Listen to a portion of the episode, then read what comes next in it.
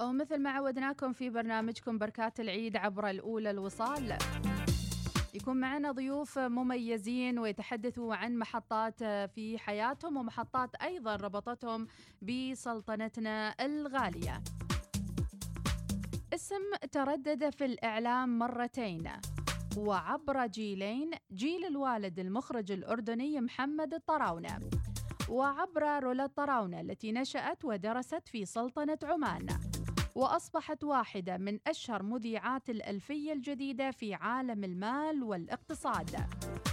وبين هذين الجيلين والإعلام وسلطنة عمان خلونا وياكم نرحب بضيفتنا من دبي رولا الطراونة عبر برنامج بركات العيد. وأهلا وسهلا فيك رولا. أهلا وسهلا فيكم. عساكم من عوادة يا رب. عمان الحبيبة الغالية. وسبحان الله حتى يعني أي شيء يجي من عمان حتى عبر الاثير له عندي في قلبي معزة خاصة. ولك كل المعزة والتقدير الأستاذة والإعلامية رولا الطراونه كبير مذيعين في قناة CNBC بالعربية. أهلا وسهلا فيك رولا وينعاد عليك بالصحة والعافية. أهلا وسهلا فيكم عيدكم مبارك يا رب وشكركم يعني أو جهودكم مشكورة في العيد وخاصة إنكم يعني حريصين على إنكم تنقلوا مادة إعلامية رائعة متنوعة. ولكم صراحة يعني مستمعين حسب ما عرفت وتابعت يعني من مش بس من عمان حتى من الوطن العربي. ربي يسعدك يا رب. إذا زميلة وإعلامية واليوم راح يكون محاورنا خفيفة على مود العيد وعلى جو العيد أستاذة رولا. جاهزين تفضلوا. بداية طمنونا عنكم هناك في دبي عن عودة الأحوال إلى طبيعتها مع أيضا التصدي لجائحة كوفيد 19 والله شوف الموضوع ما كان في البداية مستوعب من الجميع. يعني كان الكل يخفف من هذا الموضوع وما كنا نتوقع أنه نوصل لمرحلة فعلا. نلزم أن نجلس في بيوتنا ويكون علينا حظر بمعنى كلمة حظر. ووصل فينا حتى أحيانا عدم الاعتراف حقيقة باللي يحصل إنه كنا ممكن نتجاوز القانون ونطلع في سياراتنا بدون تصريح أو كذا، لكن لما شفنا إنه تطبيق القوانين لصالح الصحة العامة ممكن يعني يؤدي إلى تكبد الشخص غرامات مالية باهظة، ممكن يعني يودع في مثلا يعني السجن وصلت. أحيانا خاصة للي كثير كانت تتجاوز عندهم أمور اللي هم ما يلتزموا في القانون، عرفنا مغبة يعني عدم الالتزام بالقوانين وغيرها وخاصة أن نهايتها كانت فعلا هي الإصابة بالكوفيد 19 مثل ما بتعرفي أنه الكل العالم ما كان يعرف بداية هذا المرض إيش هي كان غامض. وبالتالي كان تلقينا للخبر في البداية أنه شيء غامض ومخيف. فما كنا نعرف يعني إذا فقط الموضوع أنت تكوني جالسة مع أحد أو تلمسي مكان لمسه قبلك أحد هل خطورة في هذا الموضوع؟ موضوع إنه نتأخر إلى الآن إنه نحصل على علاج أو لقاح ما كنا نتخيله. فأكيد البداية كانت صعبة لإنه ما كانت متوقعة. تأجلت مشاريعنا تأجلت حياتنا الاجتماعية. رمضان كان غريب جدا علينا هذا العام. موائدنا كانت خالية من الأصدقاء والأقارب. حتى طريقة تعاملنا مع الآخرين كان فيها كثير من الحذر كيف ما نقبل ونصافح ونعانق اللي نحبهم. فكان في يعني الموضوع كان غريب على البشرية كلها مش فقط على دبي. والعودة التدريجية الآن كما بتتابعي انت بدأت مع المحاذير التباعد الاجتماعي ضرورة لبس الكمامة ولكن الحياة يجب أنها تعود لطبيعتها. بإذن الله تعالى. نرجع بيكي بالزمن شوي والمكان أيضا ونرجعك لعمان مرة ثانية. رولا الطراونة يعني يمكن كان لك ذكريات كثيرة في سلطنة عمان. حدثينا عن ارتباطك بالسلطنة رولا والله السؤال يعني يعني الإجابة فيه واسعة جدا. أنا أعتبر نفسي عمانية بالدرجة الأولى. كوني اولا تربيت في أحضان عمان وأنا طفلة صغيرة. درست من المرحلة الابتدائية وحتى الثانوية في أفضل المدارس في عمان. عشت الحياة بتراثها بعاداتها وتقاليدها. أصدقائي وصديقاتي كلهم من عمان. أنا أتقن اللهجة العمانية بطريقة يمكن يستغرب أي حد غريب إنه أنا مش عمانية. أرتدي الزي العماني في العيد الوطني وأكون فخورة جدا. عندما تأتيني هدية مثلا اللي ضفاري أو أحط الحنة العمانية والبس لبس مسقط أو مثلا الولايات كلها متنوعة عندي الذهب حتى مقتنياتي من الحلي طابعها عماني. جميل. وأفهم كثيرا في الأكل العماني وغيره. فعمان لها عندي بصمه ما راح تنتهي. ولا راح يكون في يوم من الأيام يجي بالنسبة لي في قلبي حب مثل اللي كان مرتبط في عمان أكيد. نعم. فحياتي في عمان مرتبطة كوني نشأت فيها صديقاتي فيها مدرستي فيها حافظة كل زاوية في مسقط حافظة كل مكان أنا نشأت وترعرعت فيه. شيء مستهل ابدا على الإنسان لما تكون طفولته صبا في بلد معين ومرتبط بحنين كبير جدا لها. أكيد. ترجعين وتروحين على سلطنة عمان ولا تزورين أصحابك ربما؟ والله شوفي شاءت الصدف آه، لما آه، يعني أنهيت دراستي الثانوية العامة من دوحة الأدب اللي أنا أعتبرها من أجمل المدارس وأكثرها يعني كان صداها كثير كبير جدا. توجهت للأردن درست الاقتصاد. الحين أنا أمتهن مهنتي يعني متخصصة في الإعلام فيه. وبعد ما انهيت الدراسة اشتغلت في التلفزيون الأردني وبعدين أه تزوجت والتحقت من جديد في عمان في التلفزيون العماني مذيعه أخبار رئيسية وعشت في عمان من جديد أربع سنوات ثم بعد ذلك طلبتني القنوات الأخرى في دبي كونها هي يعني مدينة للإعلام. فكان البداية مع يعني استقطبتني قناة العربية ثم انتقلت إلى ال CNBC العربية وكونها قناة متخصصة في الشيء اللي أنا درسته وكان عندي خبرة في الإعلام فمزجت الاثنين مع بعض الإعلام. مع تخصصي وإلى الآن أنا تقريبا مضيت 12 سنة مع CNBC لكن بالحقل الإعلامي قرابة 25 سنة. فعودتي ورحتي لعمان أكيد بين فترة والثانية. الوالد والأهل دائما متواجدين. عندنا الأصدقاء ما زلنا إلى الآن. يعني لازم يكون عندي أماكن معينة كل ما أروح على عمان لازم أزورها. يعني هذه لازم إذا ما سويتها أشعر في شيء نقص عندي. زين غششينا. وين هالأماكن اللي تحبيها في عمان؟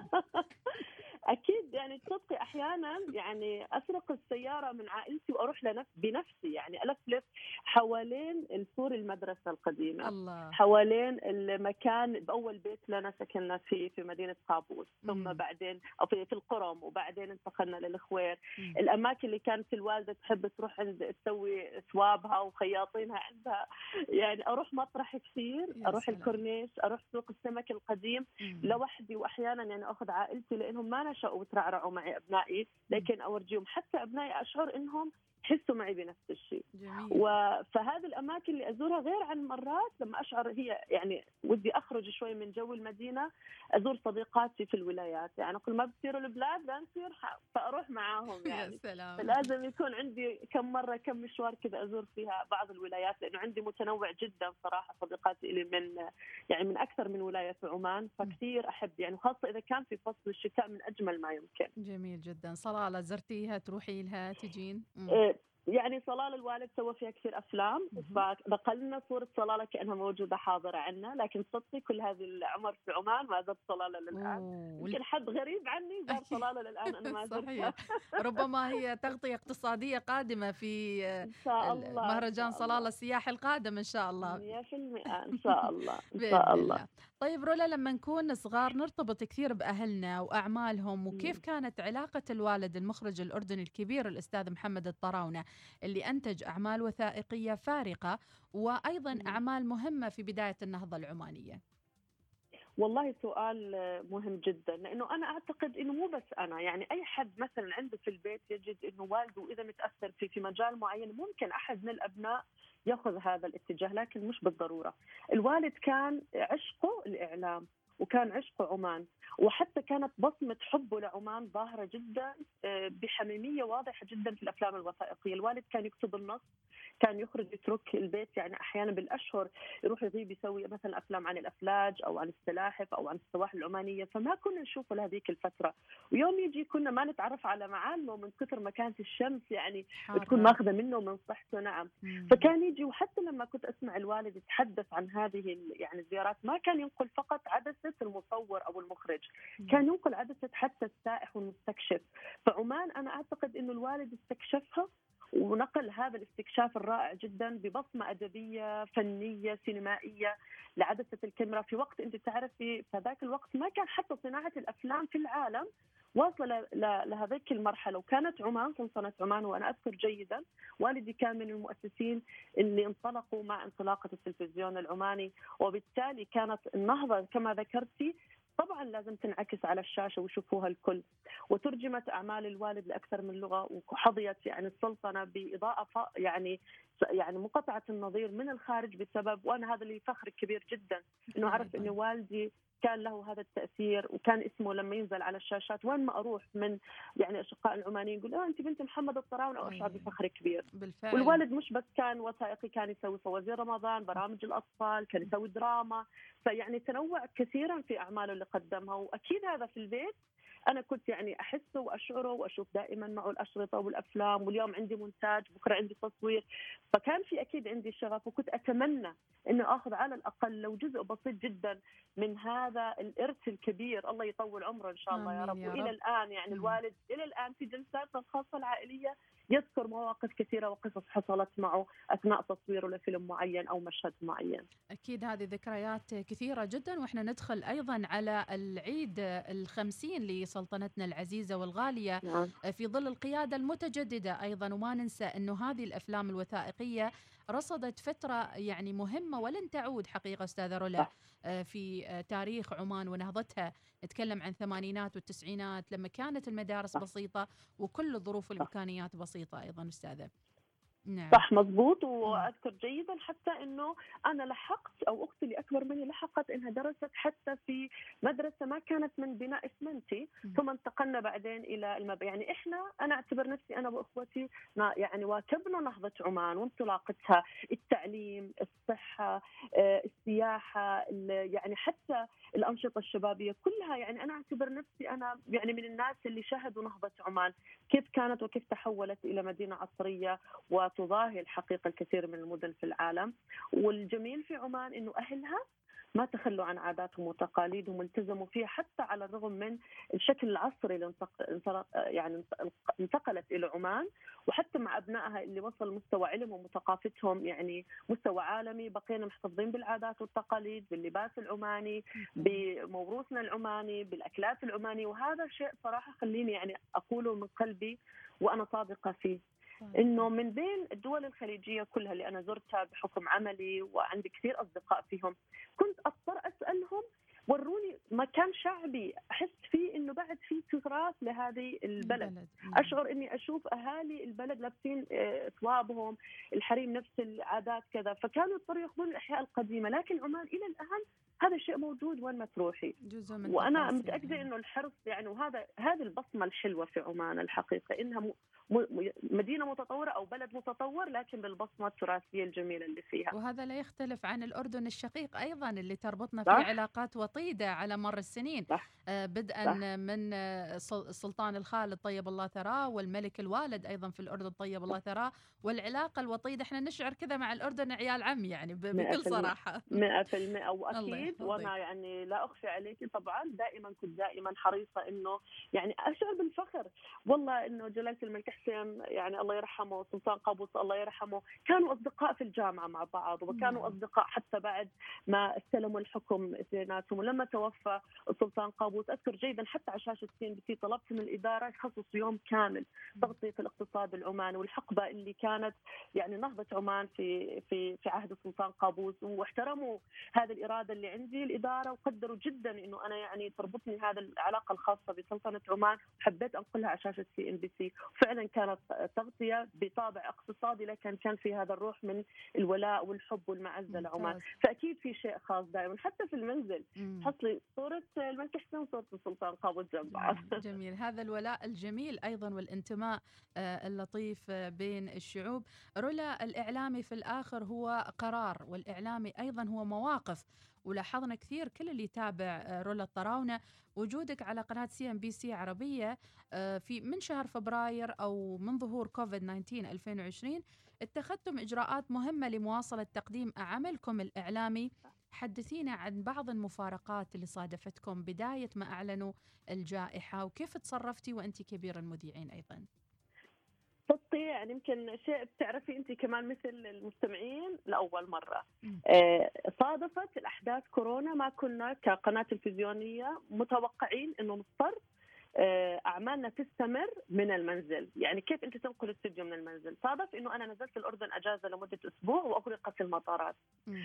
فأنا جلست في الأردن 90 يوم لكن لم يعلم أحد إني أنا كنت مش موجودة في CNBC. ليش؟ لأنه على طول كان التصرف الإداري إنه ما بدنا نشعر إنه إحنا غبنا عن الشاشة. كنا دائما حريصين على اجتماعاتنا عبر زوم المذيعين مع المنتجين مع الإدارة يوم بيوم وأكثر من مرة لأنه كانت حالة طوارئ فكانت الخطة ألف بعدين انتقلنا للخطه باء. كان بعض الزملاء أصيبوا بكوفيد 19 فبالتالي بدأنا ناخذ خطط مستعجلة جدا. ما بدنا يصير اختلاط كثير بين العاملين المذيعين يختلطوا كلهم في بعض فقسمت القناة كاملة إلى فريقين من معدين ومخرجين ومذيعين يداوموا في عدد معين من الأيام يتم تعقيم القناة بالكامل ثم يعود الفريق الثاني يداوم مع بعضه وهكذا دواليك استمرت الأمور. والفريق اللي كان يعمل من المنزل وأنا كنت طرف فيهم أنشأنا استديوهات خاصة فينا كلها في البيت. زودنا بخلفيات تحمل بصمة CNBC تمت إنزال تطبيقات خاصة تبث على الهواء بتقنية ال LiveU بتقنية عالية جدا سواء عن طريق الهاتف أو كاميرات خاصة منا يعني بتكلفة محدودة جدا وزهيدة إضاءة كأنك في الاستوديو قوة بث وكنا جاهزين دائما دائما من الحدث. وصدقي كان توقيت الانتقال للعمل من المنزل أو الميدان مناسب، أنا كنت بالصدفة في الأردن فغطيت الأحداث في الأردن، مركز الأزمات كيف احتوى هذا الموضوع، كان عندي زملاء آخرين أيضا تواجدوا بالصدفة في مدن أخرى أيضا قاموا بالالتزام بنفس الشيء، كانت تغطيتنا مختلفة، كنا نغطي نعم أسواق المال لكن كنا نغطي أيضا ما يحدث في الشارع العربي والعالمي. يعني في مصر الزملاء كانوا ينزلوا كل يوم في الشارع يشوفوا كيف الناس بدأت تتباعد اجتماعيا كيف يوم فتحوا الأسواق. في لندن نفس الشيء كيف الحظر كان. يعني إحنا كان طبعا بطبيعة عملنا كإعلاميين نستطيع نحصل على تصاريح خاصة كما تعلمي فكنا نتجول ونصور هذه الأحداث. فما غبنا عن الشاشة أبدا وإحنا من القطاعات الحمد لله ما تأثرنا بالعكس زاد وجودنا وظهورنا أكثر لأنه الناس في البيوت جالسة بدها تعرف إيش حصل في الاقتصاد؟ بالفعل. في الأسهم المستثمرة فيها في الشركات اللي ممكن تغلق أو الاستثمارات أو القطاع الخاص اللي ممكن يتأثر. فكنا على كل الأصعدة ملمين في كل شيء. ولم نكتفي فقط في الاقتصاد. تشعبنا إلى التعليم عن بعد. دخلنا في موضوع الصحة وشعارنا إلى الآن إذا تدخلي على صفحة CNBC تجد الصحة أغلى ما نملك وليس المال. فكان عندنا حلقات خاصة إيش آخر التطورات في العلاجات واللقاحات؟ آه، كان عندنا حلقات خاصة عن التعليم عن بعد حلقات خاصة عن الأمور النفسية اللي ممكن تصيب الأشخاص من جراء عملية الحظر وغيره وأشياء اجتماعية. فإحنا خرجنا عن عباءة الاقتصاد وتكيفنا مع واقع جديد. نتمنى إنه لا يتكرر ونجتازه آه، يعني بسرعة وبأقل الأضرار والخسائر، وإلى الآن ما تزال CNBC عربي تضع خطط بديلة في حال تحسنت الأمور نعود إلى تدريجيا إلى نطاق استيعابي أكثر في القناة، وإذا ساءت الأمور نعود إلى منازلنا وننجز اعمالنا من المنزل. ممتاز، يعني الخطط واضحة وعملية التعقيم مستمرة وطمأنت أيضا العاملين نعم. حتى يواصلوا أعمالهم بطريقة اعتيادية. طيب رولا آه، الطراونة كاسم من أشهر الأسامي وأكبر الأسامي حقيقة يعني آه، نقولها بكل فخر من الإعلاميات القديرات جدا الحديث عن المال يحتاج إلى دقة في المعلومة والأرقام وأيضا كيف تقنع المتلقي أن معلومتك صحيحة؟ آه، شو طبيعة دراستك اللي ساهمت في أنك تنتقلي إلى الإعلام الاقتصادي؟ أنا درست في الجامعة اقتصاد وقمت أيضا بتطوير هذا المجال لاحقا آه، في دراسة ما يسمى بالتحليل الفني، الأمور التأمينية وغيرها، لكن أنا أول ما عملت عملت في مجال الإعلام السياسي والإعلام الثقافي.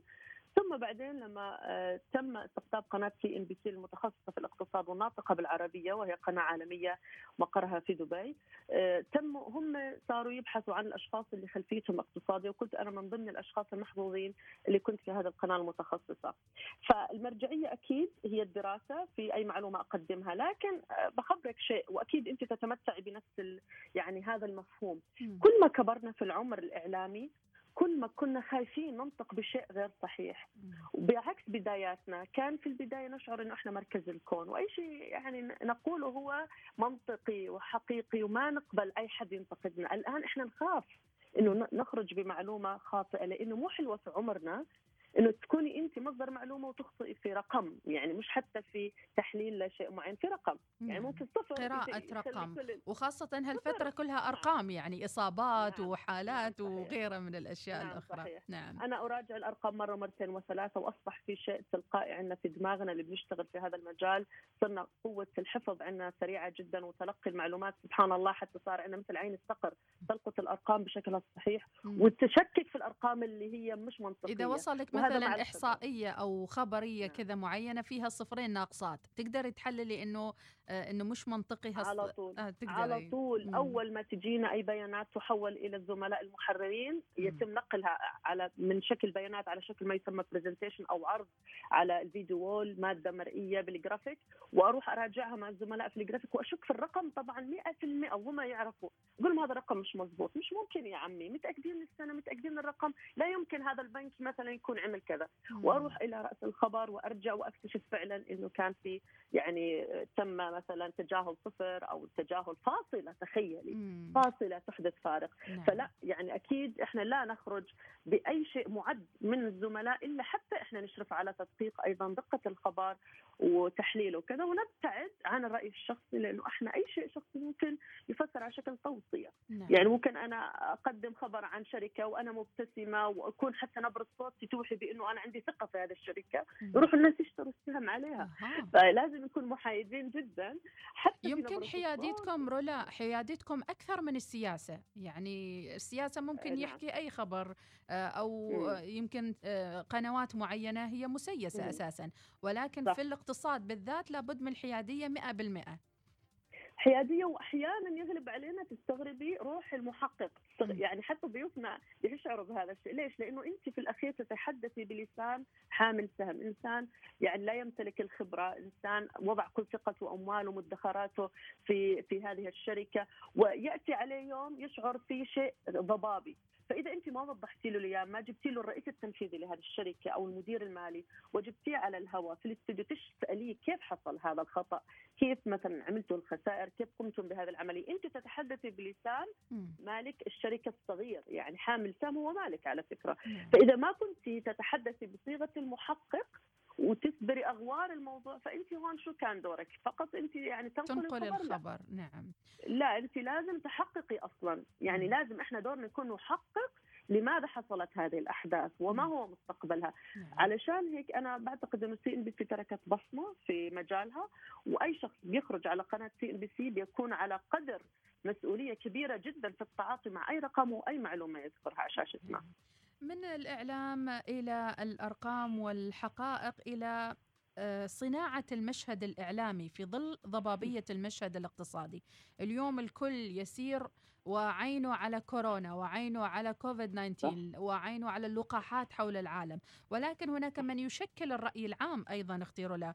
آه، فما. دوركم في هذا الجانب؟ خاصة كان عندك فقرة اسميتيها اسأل رولا الطراونة فكيف كنت نعم. تنوع الموضوعات وكيف تفاعلوا الجمهور معك جميل. على تويتر.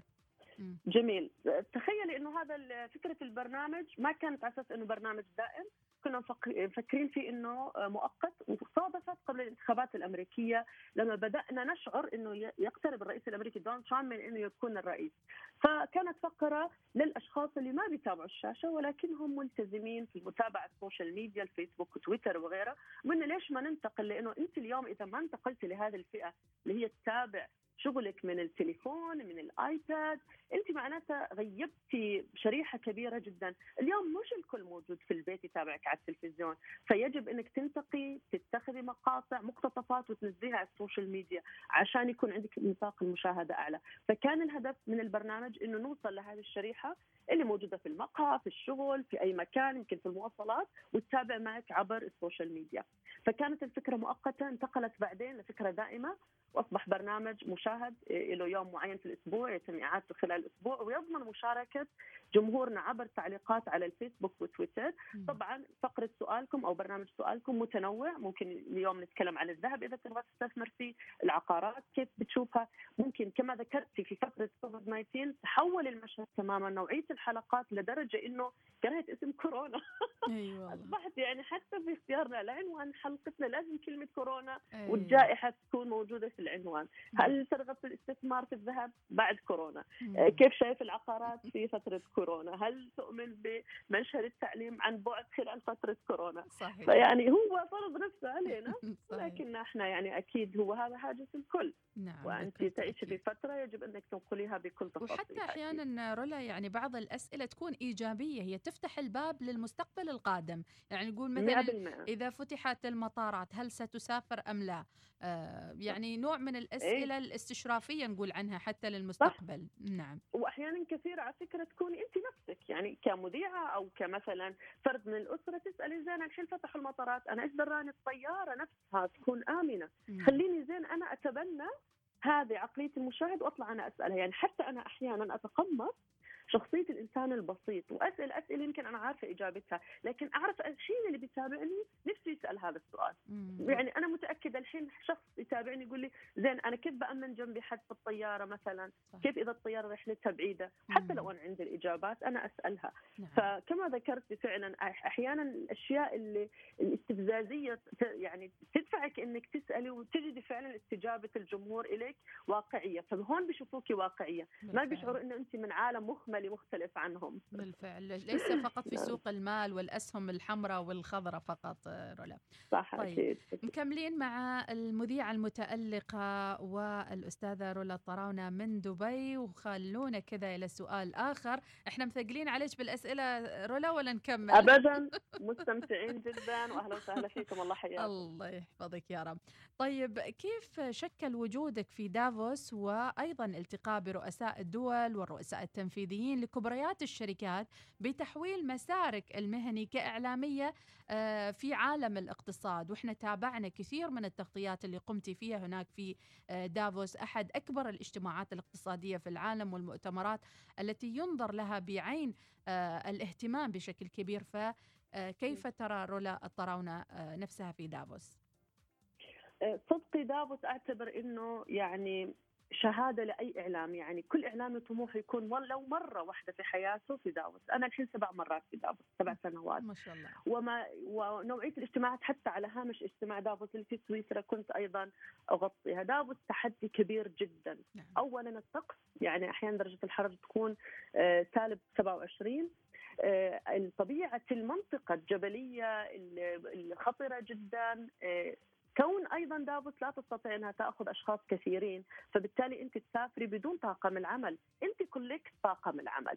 فكان يعني رصيد الزملاء معي أنا والمصور فقط وأنا أقوم بكل الأعمال سواء كان من تحديد الضيوف إجراء اللقاءات الركض في الثلج تكوني على الموعد في نفس المكان. وما ننسى أيضا رولا جداً. رولا ما ننسى أيضا الظهور و to be up to date وكل التفاصيل صح. الأخرى.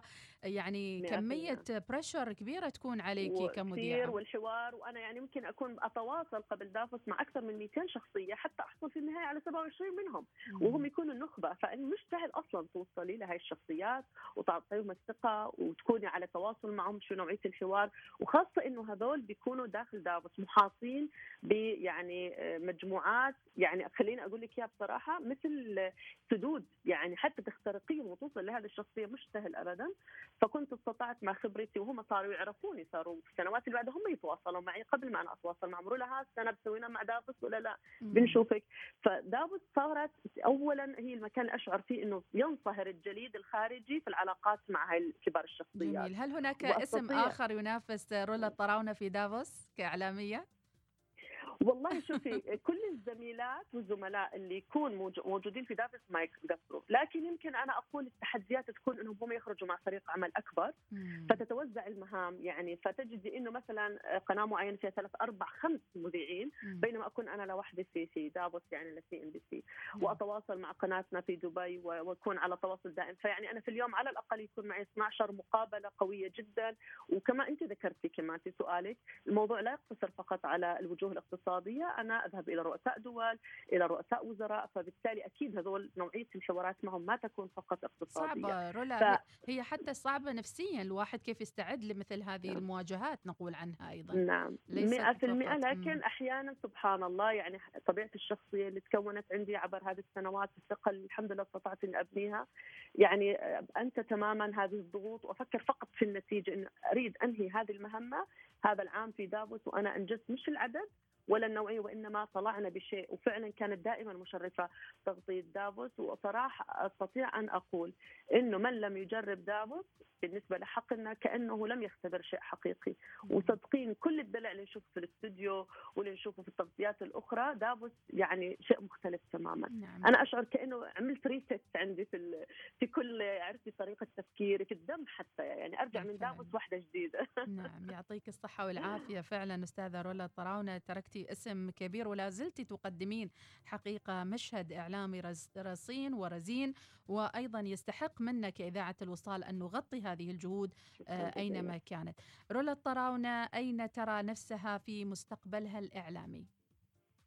آه، اولا أشكركم جدا جدا على هذا اللقاء وعلى هذه الثقة من آه، قناة موجودة في بلد أنا أعتبرها بلدي. فعلشان كذا أنا لبيت على طول الدعوة وشعرت فعلا بحنين وبفخر إنكم يعني تشعروا بهذا التواصل بيننا وبين بعض.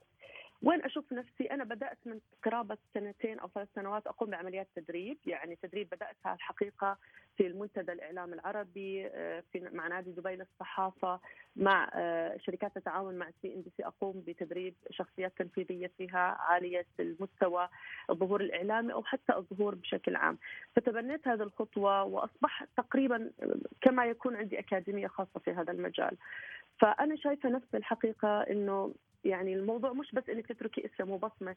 تخلفي هذا الشيء الإرث اللي انت اكتسبتيه بخبرتك وعرق جبينك ليش ما تعطيه؟ هو بكل نصائحك فيه بكل توصياتك بكل العقبات اللي وصلتيها إنك تمهدي طريق لجيل آخر يرسم خطة يمكن أفضل مني.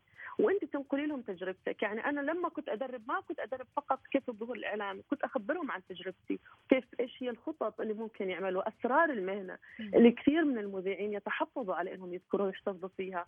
وأحترم طبعا من يستطيع أن يشارك الآخرين فيها. أنا كنت مثل دور المعلم فيها. اشاركهم وجدت وفعلا يعني شاركت مع مركز الشباب العربي في تدريب 100 شخصية آه، قيادية إعلامية من سنتين وتكرمت في هذا الموضوع. وإلى الآن يتواصلوا معي وفي منهم شباب من عمان من جامعة سلطان قابوس خريجين إعلام يتواصلوا معي. إلى الآن إنه إحنا يعني نذكر ورش العمل وكان يعني تجربة رائعة جدا، بالنسبة لي هذه أنا أعتبرها يعني بصمة الحقيقيه وليس فقط ظهوري في الشاشة.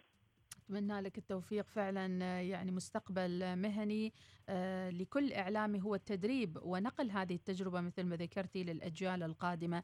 آه، البعض يعتقد أن العمل الإعلامي هو رفاهية هو فقط ظهور مباشر وجهد قليل. فماذا نقول لمن يرغب الانضمام للعمل الإعلامي؟ آه، في الأول أقول يعني أنا شوفي يعني كنت في المدرسة مثلا أطلع في الإذاعة المدرسية لأنه كنت أعتبر إنه آه، عندي رغبة أحب اللغة العربية وأستخدم طبقة الصوت الإذاعية، كنت هذا هو كل معتقدي في الموضوع.